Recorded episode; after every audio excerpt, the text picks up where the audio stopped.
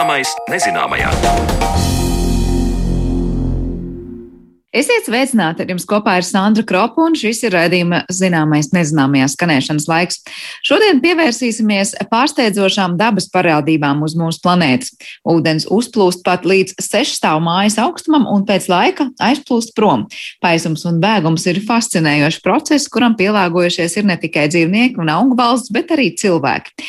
Kāda mēnesim ir loma plūdmaiņu procesos un kādu paisumu un bēgumu varēja novērot Latvijas teritorijā senatnē, par to jau pavisam drīz runāsim studijā, bet līdz tam iepazīsim unikālus atsegumus, kas izpelnījušies ģeologu uzmanību. Popularizējot geoloģiju un geoloģiskos dabas veidojumus, par Latvijas 2002. gada geovietu ir izvēlētas krustalīča un kraukļa klints pie Daugavas. Kādus nospiedumus šajās klintīs ir atstājis Devona laikmets pirms vairāk kā 300 miljoniem gadu, kā ledus laikmets ir veidojis klintis un kas tur redzams šodien, par to interesējās mana kolēģe Zana Lāca Baltalksne. Pirms pļaviņu hidroelektrostacijas uzcelšanas 1965. gadā Daugavas krasta posms no aizkrauklas līdz pļaviņām bija viena no krašņākajām vietām visā Baltijā, jo tik iespaidīga dabas veidojuma nebija visā Austrum Eiropas līdzenumā. Tas bija viens no populārākajiem turistu galamērķiem - ne tikai staburaks, bet arī krustalīča un kraukļa klintis, kas stiepjas vairāk kā kilometru garos posmos abos upes krastos, gan vidzemes pusē, gan sēlijā. Tā stāsta dabas aizsardzības pārvaldes eksperts, ģeologs un biedrības Ziemeļvidzemes ģeoparks vadītājs Dainis Ozols, kad minu, ka šī gada ģeovieta viskrāšņāk izskatās uz starpkaru laika Latvijā fotografijām, kur šis dabas veidojums ir slējies 40 metru augstumā. Šodien no tā ir redzamas 2 līdz 4 metrus augstas sienas.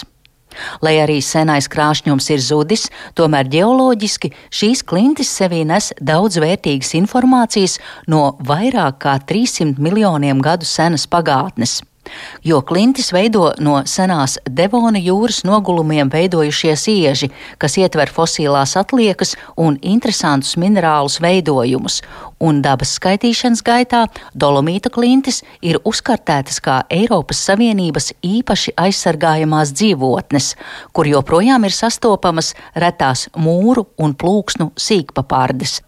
Par šī gada ģeovietu kraukļa un krustalīča klintīm stāsta Dainis Ozols. Mēs tā ļoti cenšamies, lai būtu pa visu Latviju tās geovietas, lai nebūtu tā, ka tur vienā vietā tur visu laiku ir un ir. Tiešām Daugava. Daugavas ielai, Daugavas senlēja nebija līdz šim bijusi ne ar vienu vietu. Un, un tad e, tas ir 15 gadu laikā, ja tas 15. gads, tā ka nu, sen bija laiks arī kādu geovietu pie Daugavas. Bet šodien tās klintis ir apskatāmas tikai kuģojot ar laiviņu pa Daugavu, vai tur var arī pieiet? Jā, patiesībā tāpēc tās klintis arī ir tādas nu, viņām mazāk ir pievērsta uzmanība līdz šim, jo viņas tiešām ļoti grūti pieejamas. Viņas ir, viņas ir skaistas, krāšņas joprojām, bet viņas, tiksim, ja jūs aiziesiet Daugavā uz krasta nostāsieties, tad jūs redzēsiet vienkārši sev kāju priekšā vertikālu krauju, un tur 3-4 metrus zemāk ir ūdens, un, un neko no tām klintīm īpaši neredzēsiet. Ja? Tā ka tur tiešām ir jābrauc ar laivu, vai, ja ir barga laba ziema, tad var iet pa ledu, bet nu, tur iesaka šobrīd nevienam to darīt darīt, ja nu vismaz bez, bez milzīgiem drošības pasākumiem. Ja? Tā, ka, un patiesībā arī geologu sabiedrībā ja viņas ir tādas, tādas diezgan lielais nezināmais. Jo nu, vienkārši tas krāšņums, kas tur kādreiz bija un tika pētīts, tas ir zudis. Tās paudzes geologi, kas šobrīd strādā un, un interesējas, viņi praktiski tur teikt, diezgan maz bijuši. Lūkšu paskaidrot un pastāstīt no ģeologa skatu punkta, ar ko tās klintis ir vērtīgas, jo nereizi vien mēs šajā raidījumā esam runājuši, un es domāju, tāda citīgā klausītāja jau ir iegaumējuši. Devona laikmets Latvijā tas ir tad, kad zivis izkāpa krastā, un arī šajās klintīs ir no Devona jūras nogulumiem saglabājušās fosilijas. Jā, jā nu, tur, protams, ir šī Geoloģiskā informācija ir slāņu slāņiem pāri, tāpat kā šie iežu slāņi, jo tur nav tikai devons. Ja? Protams, ir jā, devons, ir senais devons, kas ir kad bija jūra, bija normāla sāļuma jūra, tāds kā pašlaik ir pasaules okeānā, tāds pats sāļums bija tropisks klimats, un tad tur attiecīgi nogulsnējās šīs kaļķa dūņas, kas pēc tam jūrai kļūstot sāļākai, jo, jo pamazām pārtapa par dolomītu. Un, un tā jūrā dzīvoja dažādi dzīvnieki, tur pleckāji, tur stromatoporas un zivis, un, un atsakot, viss kaut kas tur dzīvoja tā jūrā. Un tad pamazām sablīvējoties šiem jūras noguluma slāņiem, izveidojās šie dolomīti. Un tad bija vesels milzīgs laika posms, no kura liecības nav saglabājušās, un tad savukārt nāca Pirms pusotra miljona gada nāca ledus laikmets, sākās, un, un, un tas savukārt izveidoja šo vietu tādu, kādu mēs viņu redzam ledus laikmeta gaitā un pēc ledus laikmeta gaitā.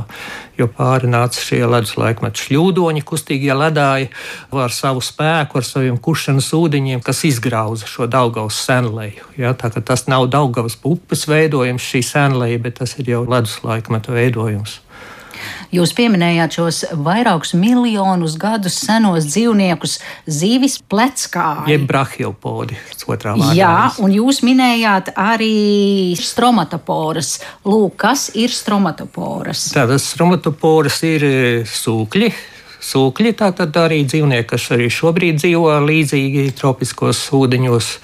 Nu, tātad šeit šādas kolonijas veido tādas slānīti pa slānītim. Un atrodot šos fosilijas atsegumos, mēs redzam tādus kā kupolveidīgus, šķērsgriezumā koncentriski uzbūvētus tādus veidojumus, tur 10, 20, 30 cm diametrā. Tādus veidojumus redzam šobrīd klintīs, kas ir nu, tas kādreizējais dzīvnieciņš ir aizvietojies, jeb dzīvnieku kolonijas, pareizāk sakot, ir aizvietojies jau ar iežu materiālu. Pirms turpinām par šī gada ģeovietu, atskats uz to, kā ir klājies pagājušā gada nominantam - Staldzens stāvkrastam, kurš tika izvirzīts savu interesanto nogulumu dēļ. Tur glabājas Baltijas ledus ezera smiltis un māli un pat ieslēgti koku stumbri. Viļņu erozijas ietekmē stāvkrasta pamazām atkāpjas, un tā rezultātā pirms 40 gadiem atsedzās blīvie organikas slāņi un izveidojās unikāls sezonāls ūdenskritums, kas ar laiku krastam atkāpjoties kļūst lielāks. Tāds ir 2021. gada ģeovietas dosjē, bet kas gada laikā tur ir izdarīts, par to turpina Dainis Ozols nu, kā tradicionāli notiek pasākums gada ģeovietā, un tiek e, uzstādīti stendi tieši ar geoloģisko informāciju, kur tādā populārā veidā tiek izstāstīts, ar ko šī vieta ir nozīmīga. Un tad septembra nogalē arī bija šāds labs pasākums. Bija vairāk desmit cilvēku bija ieradušies, izstaigājām, apskatījām šos slāņus. Tur ir arī daudz dažādi slāņi, kas ir stipri, stipri jaunāki nekā pie Daugavas. Tie ir jau no ledus laikmeta un pēcledus laikmeta, bet, bet arī ļoti dažādi, kas tur par Baltijas jūras vēsturi daudz ko pastāsta. Tā kā cilvēkiem bija interesanti, un tur pavācām vēl pludmalē akmentiņus, un par tiem arī, protams, liela interese cilvēkiem, ka beidzot var ģeologam uzprasīt, kā sauc šito un kā sauc to. Un tā kā nu, bija, bija tāds labs pasākums. Es saprotu, ka šī gada septembra beigās arī ir paredzēts līdzīgs pasākums jā. pie um, krustlīča un kraukļa klints. Jā, jā. Tur šobrīd informatīvie stendi vēl nav, vai tie tur būs, un ja tur tā piekļuve nav tik viegla, kā salīdzinot ar stāldzenes stāvkrastu, kurā vietā tiks izvietoti stendi. Tas vēl konkrētās vietas vēl noteikti ir jāpārdomā, bet no acīm redzot būs atkal tāpat kā bija stāldzenē, atkal būs divi stendi jāliek, jo ir, ir klints vienā krastā, klints otrā krastā, gan sēlī Itālijas krastā, gan eh, Vidzemes krastā. Ja, tā kā par pašu pasākumu vēl tur krietni jāpadomā.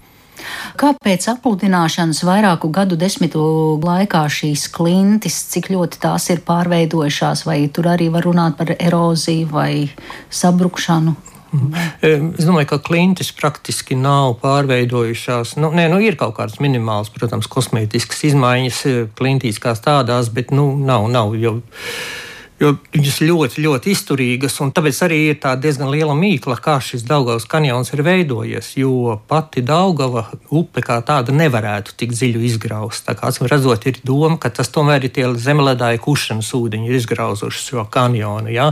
Un viņš ir ļoti, ļoti izturīgos iežos. Un, un, un, un, un tā kā teiksim, tāda apludināšana tāda šīm klintīm neko īpaši nenodara kā tāda. Nu, cita lieta, ka ir iznīcināts tās dzīvotnes, kas tur atradās ja, nu, gandrīz iznīcināts, jo tur uz tām klinšu daļām, kas ir virs ūdens, tur jau vēl, vēl mitinās augi, tā skaitā retie augi, kas bija savukārt laika daudz lielākā skaitā. Vai jūs varat minēt kādu no retajiem augiem? E, ir papārdītas mazās, tas ir tāds ļoti populārs plūks, no sīkpapārdi un mūru sīkpapārdi. Jā. Tās ir tādas, kas tur vēl arī šobrīd. Viņas, teiksim, ir tās vietas, atradņu vietas, viņām Latvijā ir tā, ka var uz roku pirkstiem izskaitīt. Ja? Tur gar Daugavu viņām bija tās pašas lielākās un krāšņākās vietas, kur viņas bija sastopamas, bet nu, šobrīd ir tikai mazlietiņa. Skatot uz tuvāku vai tālāku nākotni, geologiem ir ideja šo vietu kādreiz izcelt gaismā, kā tas bija pirms pļaviņu hesi izbūves, jo, kā saka Dainis Ozols, cilvēku celtās būves nav mūžīgas. Būtu jāizstrādā plāniņš, kā mēs atkal nu, atbrīvosim šo, šo vietu. Jo nu, neviena cilvēka veidotā būve nav mūžīga. Protams, ka tas būtu neprāts vienkārši tagad nolaist ūdeni un neražot elektrību un, un atkal tikt pie šīm klintīm, bet es domāju, 20, 50 vai 100 vai 200 gadu laikā tas notiks un būtu vajadzīgs izstrādāt plāniņu, kā tas notiks. Tik tālu par Devonu laika atsegumiem pie Daugavas, bet par to, kādas paisuma un vēguma liecības no Devona laika meklējums Latvijas teritorijā un kāpēc uz Zemes ir novērojama šī neparastā plūdmaiņa parādība, stāstīsim raidījuma turpinājumā.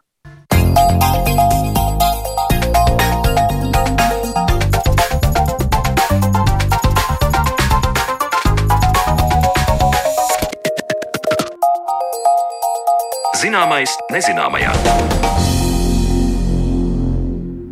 Viena no pārsteidzošām dabas parādībām, kas ikdienas mums atgādina par to, cik ļoti dabā it viss ir saistīts vienotā sistēmā, ir plūdmaiņas. Paisumu un bēgumu Latvijā tikpat kā nevaram novērot šodien, taču tā nav bijusi vienmēr. Kāpēc uz planētas veidojas šie ūdens uzplūdi un atplūdi un ko par to stāsta fosīlijas un ieža zem mūsu kājām? Par to mēs turpmākajās minūtēs runāsim ar mūsu studijas viesi Latvijas Universitātes Geogrāfijas un Zemezinātņu fakultātes ģeoloģijas nodaļas asociēto profesoru Girts Tinku. Labdien! Labdien!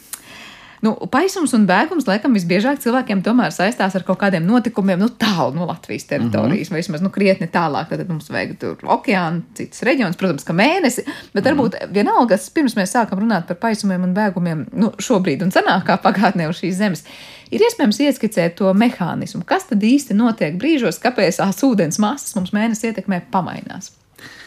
Jā, šis process ir ārkārtīgi interesants. Eh, un no vienas puses tas ir vienkāršs, bet no otras puses tur ir savs niansītes un sarežģījumi. Eh, jā, eh, jums pilnīgi taisnība. Plūdmaiņas galvenokārt izraisa Zemes un Mēnesis gravitācijas spēku savstarpējā saistība. Nu, būtībā Mēnesis pievilkšana. Lai gan Saulīte arī tur dod savu lomu, būtībā, kura gan ir mazāka.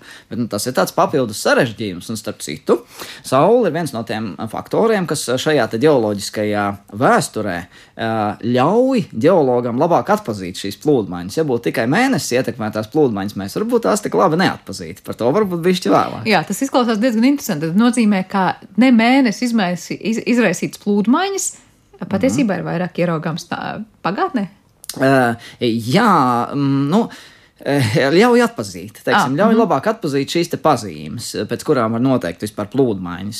Bet, jā, nu, process pats par sevi eh, reizēm kļūdaini uzskata, ka mēnesis velk okeāna ūdeni pie sevis. Nu, tā parasti mēs runājam īsi, nu, sakoties, vai ne? Jā, jā, jā, bet es arī vakar iepazinos ar materiāliem, ko ārzemju speciālisti par to raksta, un, nu, būtībā viņi iesaka, ka nevajadzētu lietot šo vārdu vilkšana, jo tomēr eh, tas ir tā, ka vairāk tiek ierosināts veicināta eh, okeāna ūdens eh, sāniska kustība eh, sakarā ar dažādu pievilkšanas nu, teiksim, ar dažādu leņķi, kā šie spēki iedarbojās taisnā virzienā pret zemi un pret kaut kādām malām vairāk, un tad faktiski tas okeāna ūdens tiek virzīts sāniski. Un to salīdzināja procesu, kā cilvēks izspiež pumpu, spiežot no sāna un uz vidu, un tad tas vilnis tā paceļas uz augšu šajā vidū, bet tieši šo vilni tas mēnesis nevelk pie sevis. Lūk, ierosina vairāk šo sānisko kustību.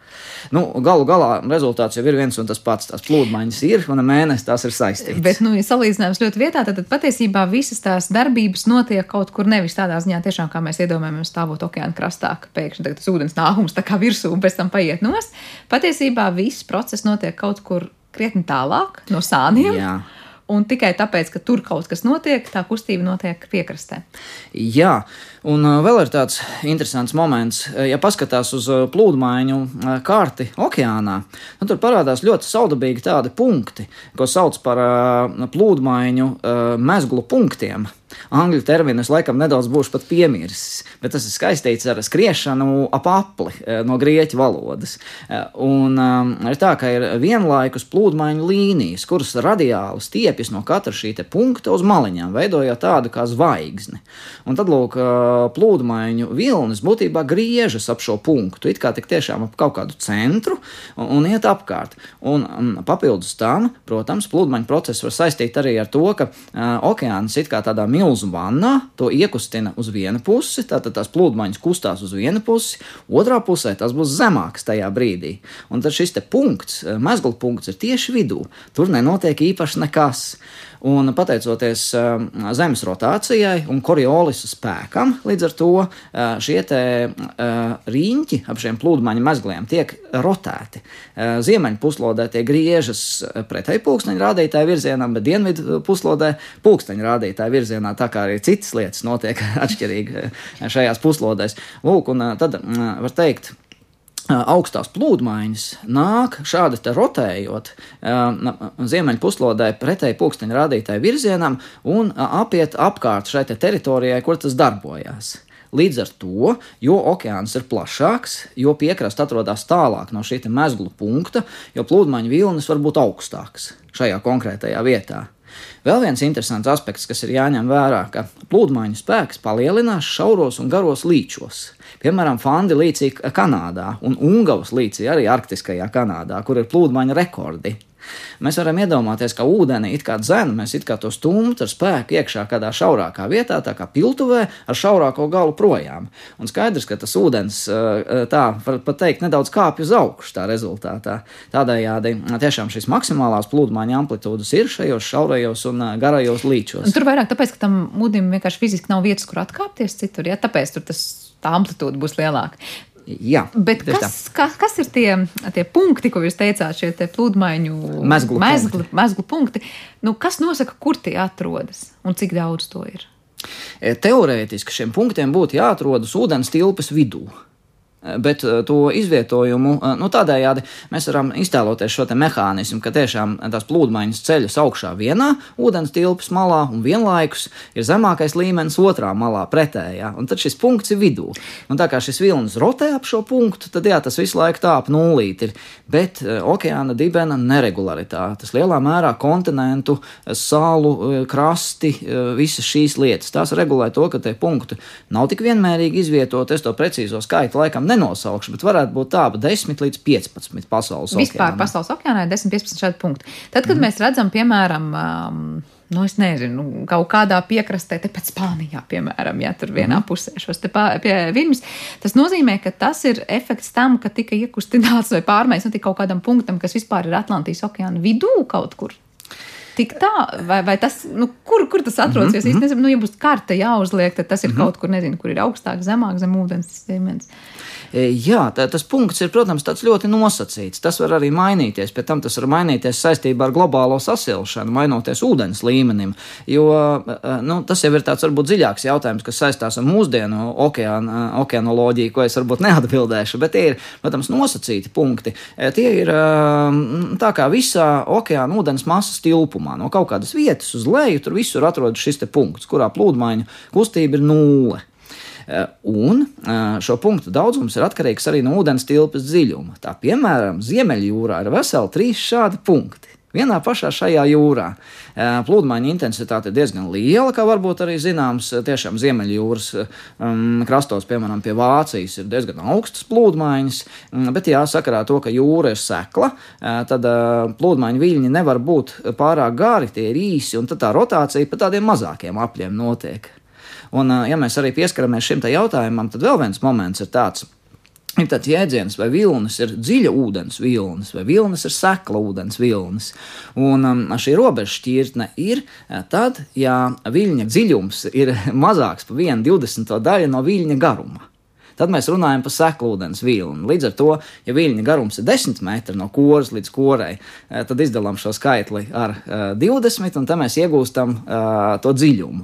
Eh, kurā eh, robeža starp seklu un uh, dziļu ūdens viļņiem. Bet tā kā plūdmaiņu viļņi ļoti gari, Tie ir praktiski nu, puse vai ceturdaļa no visas zemeslodes. Tomēr, jo mēnesis jau mm, atrodas vai nu vienā pusē, vai otrā, ja tas rotē. Tad nu, izraisa šo ūdens kustību tādos lielos viļņos. Tad šis viļņu garums ir milzīgs. Un pat uh, okeānā uh, tas dziļums būs mazāks par 1,20 daļu no viļņa garuma. Tā kā tie vienmēr ir sekla ūdens viļņi. Ko tas nozīmē? Tas nozīmē to, ka šie viļņi kustās krasta virzienā, nevis tā kā mēs redzam, parasts vilnis, tas uzplūst un atplūst ātri vien, bet tas ir tā kā tāda fronte. To mēs pat varam salīdzināt ar tsunami vilni. Un, piemēram, lielu upju grīvās kādreiz to var redzēt, ka vesela šī viļņu fronte virzās iekšā upē. Nu, proti, tas ūdens līmenis vienkārši liekas lēni, bet diezgan nu, pamatīgi aug. Ja? Nu, mēs jā. skatāmies vienā brīdī, tur taču bija krasts, ja? un tagad jā. skatāmies, tur jau sen ir ūdens. Jā. Bet kāpēc mēs Baltijas jūrā tik ļoti izteikti to neizjūtam? Tāpēc, ka mēs esam sekla un iekšēji jūra, vai tur kaut kas cits pie vainas? Tas ir nu, būtībā seklums vēl nebūtu varbūt, tas būtiskākais moments, bet tas, ka šī ir iekšēja jūra un ka tā nav savienota ar pasaules okeānu īpaši. Ja, līdz ar to plūdmaiņu viļņi nevar šeit ieiet iekšā. Šie riņķi, par ko mēs iepriekš runājām, nu, būtībā, jā, varbūt tur sasniedz kaut kur tā maliņa jūras šaurums, ieejot Baltijas jūrā, bet principā Baltijas jūra darbojas lielā mērā pa savam. Un plūdmaiņas mums ir līdz kaut kādiem desmit centimetriem, bet, nu, protams, ņemot ņemot vērā, ka vienkārši viļņi ir augstāki šeit, un pat uh, motorlaiva nobrauc garām, ir augstāks vilnis. Jā, nu mēs tos praktiski nejūtam. Nu jā, 10 centimetru pludmaiņu laikam mēs tiešām nevarētu tā uzreiz pamanīt. Bet kas ir tās lielākās, ja mēs amplitūdas runājam pasaulē? Uh mhm. -huh pludmaņa amplitūda rekordi ir Fandilīcija, Kanādā. Dati ir mazliet pretrunīgi. Es pats tur nekad neesmu bijis līdz šim, cerams, varbūt nokļūšu kādreiz, bet eh, diezgan droši dati ir par plus mīnus 15 metriem, eh, un eh, var būt arī 17 vai pat 18 metri. Tā kā nu, tas ir kaut kādas sešu stāvu mājas augstumā, ļoti, ļoti iespaidīgi.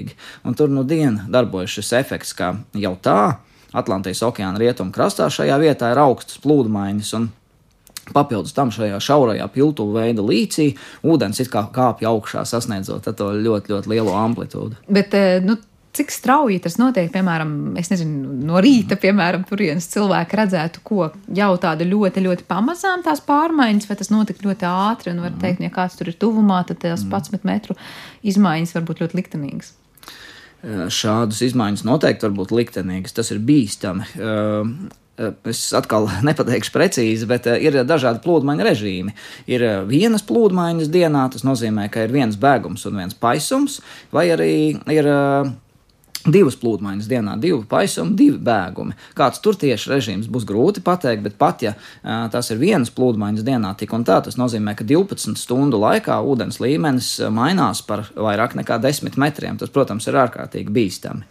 Es pats esmu izbaudījis plūdmaiņu procesu Ziemeļtimānā, mūsdienu plūdmaiņu procesus, un tie pilnībā regulēja mūsu dzīvi. Visi var teikt. Nu, pa stundām, vai ne? jā, jā, jo mēs varējām strādāt pie atsegumiem tikai tad, kad ūdens līmenis bija zems Eh, savukārt mēs varējām pārvietoties ar laivu. Tas gan bija aktuāli tikai pasākuma sākumā un beigās, tad, kad ir paisums augsts, ir tādā laiva iestrēgta. Bet jūsu gadījumā, nu, lūk, tas, tas brīdis, kad ir vēl atsegums un var strādāt līdz brīdim, kad ir jau ar laivu jā, jāliek lietā, mm -hmm. nu, tas bija tāds pakāpenisks, dažu stundu process, vai ne, kurā nu, tā lēni un mierīgi jā. cilvēki var saprast, ok, tagad vairs nav labi, mums ir jāiet prom. Vai tas ir jā. kaut kas pēkšņs, kas var notikt arī? E, tur e, plūdmaiņa amplitūda bija ap 4 e, metriem. Un, nu, kaut kādā brīdī tas process notiek straujāk, jo ir jau tā, ir tādi, kas atbilst tam zemākajam līmenim, tam augstākajam līmenim, tad tas no, tā kā ilgāk ir. Bet, tā, tas ūdens līmenis vai nu krītās, vai nu ceļās, tad tajā brīdī tas ir straujāk. Un, man krievu kolēģis no Siktīva karas, Pāvils Beznosovs, viņš paleontologs ir uzcītīgs, un viņš brīžām palika pēdējais pie objektiem. Un viņš jūt, jā, tur tur tas atsegums atrodas kaut kur tā kā pludmales daļā, netālu no stāvajiem atsegumiem, un viņš tikai mm, strādā vakarā un jūt, ka ūdens pieskaras dažādām ķermeņa daļām negaidīti, un tad saprata, ka jāiet no turienes projām. Jā, Kas ir... nosaka to, kurā reģionā ir tas, piemēram, dienaktīvi viens vai divi pludmaiņu režīmi? Tas ir atkal tas plūdmaiņu bišķi sarežģītais stāsts. Ir tā, ka šie viļņi būtībā ir vairāku veidu. Tur ir īsāki un garāki, un tie savstarpēji sadurās un atdalās. Un, To arī man varbūt būs grūti tā precīzi atbildēt, bet, nu, principā, jā, ir gan šis viena plūdmaņa režīms, gan divu, gan jauktais. Un um, jāatzīst, ka pasaules okeāna krastos vairāk ir jauktais režīms tieši. Nu, katrā ziņā mūsu geogrāfija, geoloģija un, un vispārējais un fizika, protams, pār tam visam nosaka to, vai mums būs vienreiz vai divreiz dienā konkrētā teritorijā pludmales. Jūs te visu laiku piesakāt, tas, ka tas ir mūsdienās. Tad ir kādreiz bijis citādāk. Ar ko atšķiras, ja mēs runājam par šīm pludmaiņām? Mūsdienu teritorijā ja notiek kaut kas no tā, kas ir bijis nu, senā pagātnē. Tad man ģeologam jājautā, kas jums ir sena pagātne. Eh, jā, tas noteikti būs arī kā kuram ģeologam. Noteikti būs, eh, kuri nodarbojas ar kvartāru periodu. Nu, tas arī ir pietiekami sens laiks. Protams, ir runa par desmitiem tūkstošu gadu, simtiem tūkstošu gadu, dažiem miljoniem gadu. Nu, man vairāk eh, tā kā simt miljoni. Kaut kas sanāca. Tas mērogs tāds, tāds ievērojams. Nu, jā, vairāk sanācis strādāt ar devona periodu veidojumiem, tātad 419 līdz 359 miljonu gadu senā pagātnē. Un, nu, pirmais, ko varbūt ir jāsaka, kā plūdmaiņas laika gaitā pamazām, pamazām kļūst vājākas. Iemesls tam ir pavisam vienkāršs. Mēnesis attālinās no Zemes, un tam ir vēl savstarpējā saikne. Lielā mērā uh, šī iemesla dēļ eh, arī eh, mēnesis eh, bremzē Zemes un arī plūdmaiņas pašas bremzē Zemes rotāciju. Zemes rotācija kļūst lēnāka. To var piemēram noskaidrot salīdzinot korāļu augšanas diennakts kārtiņas devona periodā un salīdzinot to mūsdienām. Tik tiešām Zemīte rotē lēnāk tagad, mēnesis attālinās vairāk un senāk tātad plūdmaiņas ir bijušas stiprākas, ja jau mēnesis tomēr ir bijis tuvāk. Mm, tas ir tā. Bet, uh, principā, mm, Mans process ir bijis ļoti līdzīgs. Eh, tur varbūt ir vēl tāds viens aspekts. Mūsdienās ir maz eh, tā saucamo epikontinentālo jeb iekšzemes baseinu. Tā ir Baltijas jūra, Hudzona līcis un Karpentārija līcis. Tas arī ir viss. Bet, piemēram, Devona periodā tādi epikontinentāli jeb iekšzemes baseini klāja teju eh, pusi senā Eiramerikas kontinenta. Tātad tas nozīmē, ka nav tādas uzreiz dziļas jūras vai okeāna, bet ir sekla teritorija, principā 10 līdz 50 metru dziļa, eh, kas klāja tūkstošiem kilometru garas un platas teritorijas. Un tur ir runa par to, vai plūdmaiņas tur var darboties vai nevar. Un šāda apsvēruma lielā mērā tomēr ir teorētiski, cik mēs mūsdienās varam mm -hmm. to mhm. noteikt. Bet, lūk, ja mēs pētām šo periodu nogulumus, kas ir veidojušies attiecīgi šādos baseinos, oh, tad jau var meklēt pēc faktiem, kas tieši apliecina plūdu. Bet sanāk tā, ka nogulumi pasaka, ka šeit ir bijis ūdens, un tad atkal tas ir atkāpies. Bet kā jūs zināt, ka tas notika tā kā plūdmaiņās, nu, piemēram, es nezinu, mm -hmm. reizi diennaktī, mm -hmm. vai tas vienkārši bija, es nezinu, desmit tūkstošu gadu laikā? tur pēkšņi bija jūra, kur pēc tam vienkārši pazuda. Tas ir ļoti labs jautājums. Tik tiešām šādas problēmas ir. Atšķirt pludmaiņu procesus no vienkārši kaut kādām ritmiskām ūdens līmeņa izmaiņām, ilglaicīgākām, īslaicīgākām.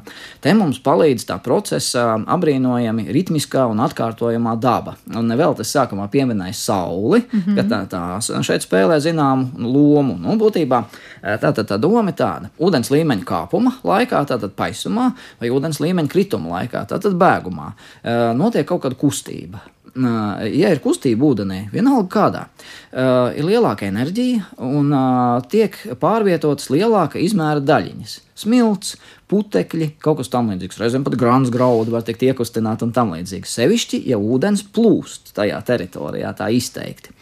Uh, maksimālajā paisumā un minimālajā bēgumā ir miera režīms stagnācijas režīms ūdenī. Tātad ūdens, var teikt, stāv uz vietas un nosēžās vissmalkākās daļiņas. Līdz ar to paisums, uh, uh, pats process, rupjāks materiāls, paisumā maksimums. Um, smalkāks. Bēgums, rupjāks, bēguma minimums, smalkāks. Un tā tas mainās, mainās, mainās. Principā tā, tas var izveidoties nogulumos. Reizēm bēguma veidojumi ir mazāk izteikti un paisuma vairāk, un tad Reizēm lietot arī tādu teicienu, double mud drape, teiksim, dubultās māla kārtas, kur tā otrā ir tāda mazāka, tā, kas veidojas bēguma laikā. Bet jā, šī mīja smilts māls, smilts māls, jeb arī smilts vizla, smilts vizla, principā arī var, var liecināt par plūdmaņa ritmiskumu. Bet ar to nepietiek. Jo tik tiešām, nu, ok, var, var tur varbūt mainīties citi procesi, var kust ledājs, varbūt var kaut kādas citas ritmiskas izmaiņas notikt. Bet pludmaiņu gadījumā palīdz tas, ka viena, mēne, viena mēneša laikā, viena mēneša laikā, nevis mēnesis, viena mēneša laikā mēnesis kustās ap zemi, vienreiz apgriežās. Un di, di, divās epizodēs, tad, kad ir pilna mēnesis un tad, kad ir jauns mēnesis. Mēnesis saule stāv vienā līnijā. Mēs to arī redzam. Būtībā mm -hmm. saulīt vai nu precīzi apspīd tieši mēnesi, to viena pusi, ja arī mēnesis ir paslēpies un neko mēs neredzam būtībā. Uh, bet uh, šeit tie plūdmaņu spēki ir vislielākie. Gravitācija miedarbojās, un plūdmaņas ir visaugstākās. Tātad tā amplitūda šajā jauna mēneša stāvoklī un pilna mēneša stāvoklī ir vislielākā. To sauc par sizigiju stāvokli. Arī ja angļu valodā saka vienkārši spring tide, tas ir lielais paisums. Un šajā situācijā tās ūdens straumes vienmēr ir vēl ātrākas, to smilti pārvieto vēl vairāk, tos putekļus vēl vairāk, bet nu, to mālu tas tā neietekmē. Tāpēc, ja tur ir plūdmaiņu straumes, tas izveido biezākas smilšu kārtas tieši plūdmaiņu maksimumos. Un tas mījās arī ar šīm māla kārtām. Tad, kad mēnesis ar sauli nemiedarbojas tiešā veidā, ir augošs un dilstošs mēnesis stāvoklis, tad plūdmaņa spēks ir mazāks. Līdz ar to šīs smilšu kārtiņas kļūst plānākas, māla kārtiņas varbūt pat kļūst biezākas, jo mazāk ir kopējā enerģija. Un tad, redzot nogulumos, tas ir vienkārši fantastiski. E, būtībā plūdmaiņu intensitātes izmaiņas tiek nokopētas kā nogulums slāņkopu izmaiņas, principā. Un mēs tik tiešām redzam, nu, tur jāskatās, cik ir plūdmaiņas diennaktī bijušas, bet pieņemsim, ir kaut kur, nu tā, 7, 10, 14 tādi pārīši ar smilti un mālu. Un tie pārīši ir tādi plānāki, un tad tie pamazām pieaug biezāki un tad atkal plānāki un atkal biezāki. Ja tas ir eh, redzams eh, dabā, nogulumos, tad mēs varam nu, praktiski simtprocentīgi droši teikt, tās ir plūdmaiņas. Angļu valodā to sauc tidal bundles. Latvijas burtiski tulkojot, tie būtu plūdmaiņu saišķi. Nu, mēs piedāvājam terminu plūdmaiņu kopas. Vai kaut ko no tā visa jūs minējāt, nu tiešām izklausās kā tāds mežģīņu raksts, kurā iežos tur nu, mm -hmm. daudz ko nolasīt un saprast, tiešām, vai tas ir bijis ledus kušanas vienkārši epizode vai, vai plūdmaiņas. Kaut kas līdzīgs ir bijis Latvijas teritorijā senatnē. Tad mēs varam teikt, ka zem mūsu kājām ir visi šie nogulumi un visas šīs liecības. O, jā, ir, un pie tam ļoti labi izteikts. Jebkurš par to var pārliecināties, aizbraucot uz veczemju klintīm, tepat starp tūju un salatsgrīvu.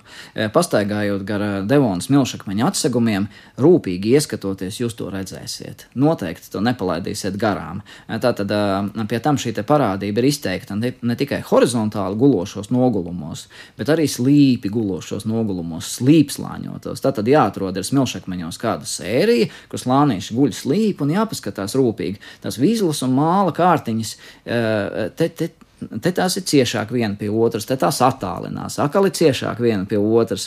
Mēs ar studentiem esam mēģinājuši arī skaitīt. Eh, nu, katrā ziņā Mums fakultātes studentiem ir izdevies pierādīt, ka uh, tas ir vairāk nekā vienas plūdmaiņas dienā. Vai ir jauktais režīms, vai ir divas, ir, tas ir sarežģītāks jautājums, jā, bet katrā ziņā ir vairāk nekā vienas plūdmaiņas dienā.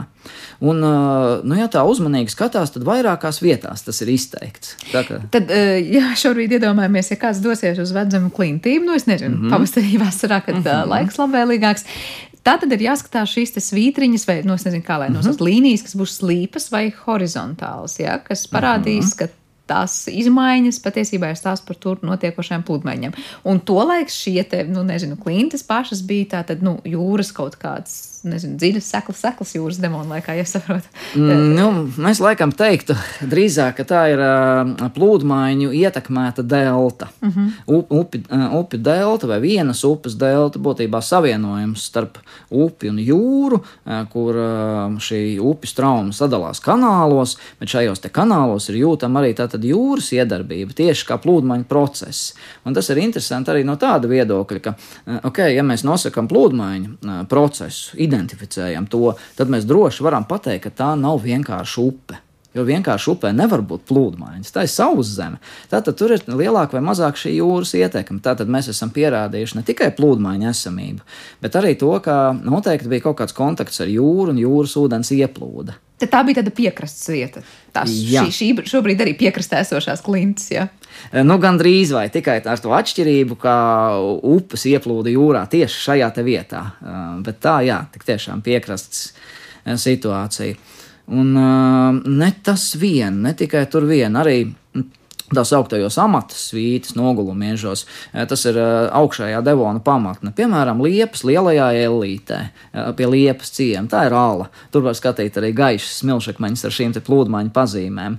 Nu, vienīgi, kur būs grūtāk tos atrast, gaujas krastos atsektajos smilšakmeņos, tie, kas pieder vidējā devona pašai augšējai daļai. Ir tāda sarkana un zeltaina smilšakmeņa tieši tajā laikā laikam jau pateicoties ūdens līmeņa kritumam pasaules okeānā, vairāk bija tieši pašu upju spēks un mazāk šo plūdmaiņu spēks. Bet tā Latvijā ļoti daudz ir šo pazīmi. Tad atkārtojot, tad par kuru laiku mēs runājam, kad vai teikt Latvijas teritorijā ļoti izteikti ir darbojušās plūdmaiņas? Tas ir cik miljoni gadu senā pagātne? Mm -hmm. Eh, nu, praktiski, cik mēs tā zinām, kopš 390 miljoniem gadu eh, senas pagātnes līdz eh, jaunākie dati, ko mēs kopā ar profesoru Lukševiču esam ieguvuši no Ketlera svītas, tur, kur arī, starp citu, ir Ventas tega kronika šajos slāņos, tie jau ir kaut kādi 365, varbūt miljoni gadu tajā laikā ar izņēmumiem. Protams, laika gaitā viss ir mainījies un Pa laikam ūdens līmenis ir bijis zemāks, šie plūdmaiņu viļņi nevar nonākt šajos iekšzemes baseinos, bet es teiktu, tā, ka mm, vairāk pat Devona baseinos ir šīs plūdmaiņas vairākos laika posmos nekā nav. Tā kā tas ir bijis kaut kas ļoti, ļoti tipisks. Tātad var teikt, kā jūs teicāt, mēnesis bija tuvāk, plūdmaiņas bija izteiktākas, bet tās arī bija biežākas. Es pareizi saprotu. Tas bija gan izteiktāks, gan biežāks. Vai ne obligāti? Plūdmaiņas noteikti bija izteiktākas. Eh, nu jā, faktiski mēnesis rotējas ātrāk ap zemi. Jā, tas nozīmē, ka plūdmaiņām būtu bijis jābūt biežākām arī, bet mazliet. To varbūt tā ļoti labi nevar pateikt. Tad, tur mēs akcentu neliksim, bet to, ka tās bija, var teikt, nu, izteiktākas tajā, cik ļoti ūdens līmenis mainījās. Par to tātad, nu, šaubas, saprotu, šobrīd nav skatoties arī nogulumos. Uh, pamazām noslēdzot šo sarunu, loģiski būtu jautāt, vai plūdmaiņas varētu mainīties arī nākotnē, un kas notiks nākotnē ar plūdmaiņām, un tad, nu, kā, nu, kurā teritorijā. Uh -huh. e, noteikti tas var mainīties nākotnē. Ja raugās tādā ļoti tālā nākotnē, cerams, ka mm, cilvēkam pietiks prātu uz šīs planētas noturēties un to neiznīcināt, nu, teiksim, pēc vairākiem simtiem miljonu gadu, tad plūdmaiņas kļūs vājākas. Eh, kopumā, jo mēnesis attālināsies no mūsu planētas. Eh, mainoties ūdens līmenim, var mainīties šie plūdmaiņu mezglu punkti. Līdz ar to eh, var mainīties tās vietas, kur plūdmaiņas ir augstākas, kur tās ir zemākas. Tas noteikti var būt.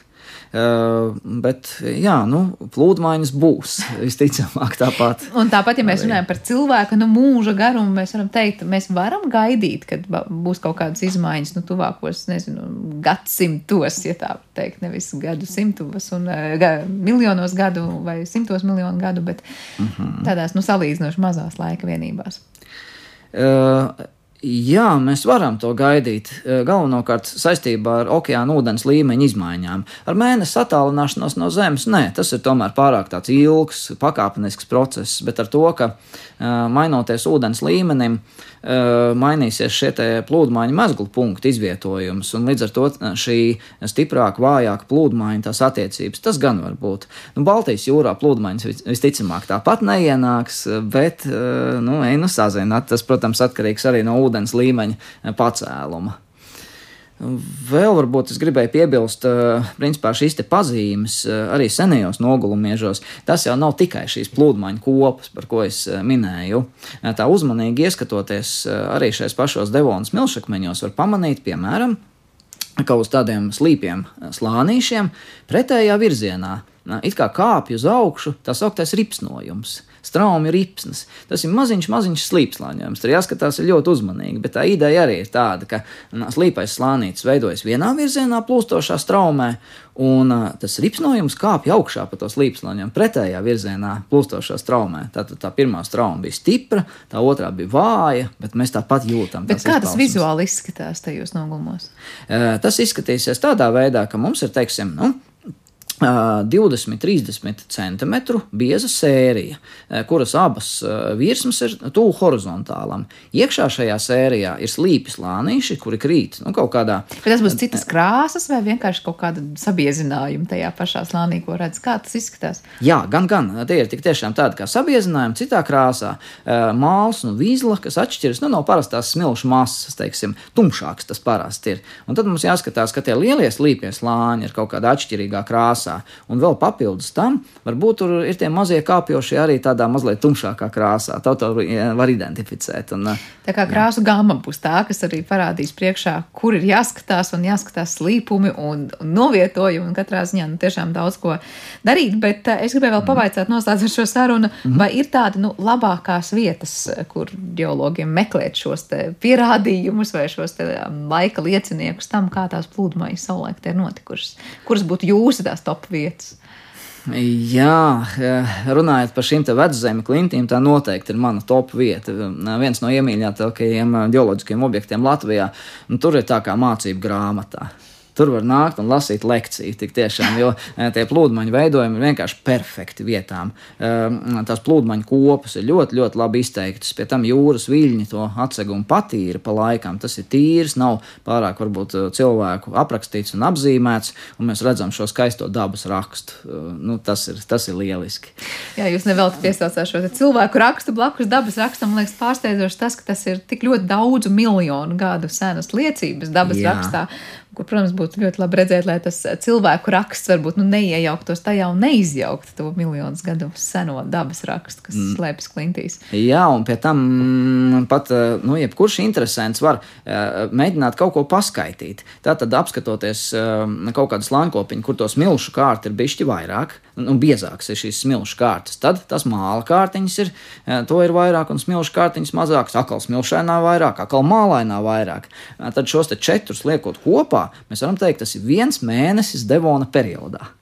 Mēs to esam noķēruši. Jo man liekas, mums ir jāorganizē lekcija pie vecuma klintīm ar jums un mūsu klausītājiem, lai ieraudzītu un tiešām arī saprastu visu to, kas tajās ir rakstīts. Nu, tāds apbrīnums dārgums mums patiesībā ir ļoti pieejams, vai ne visiem?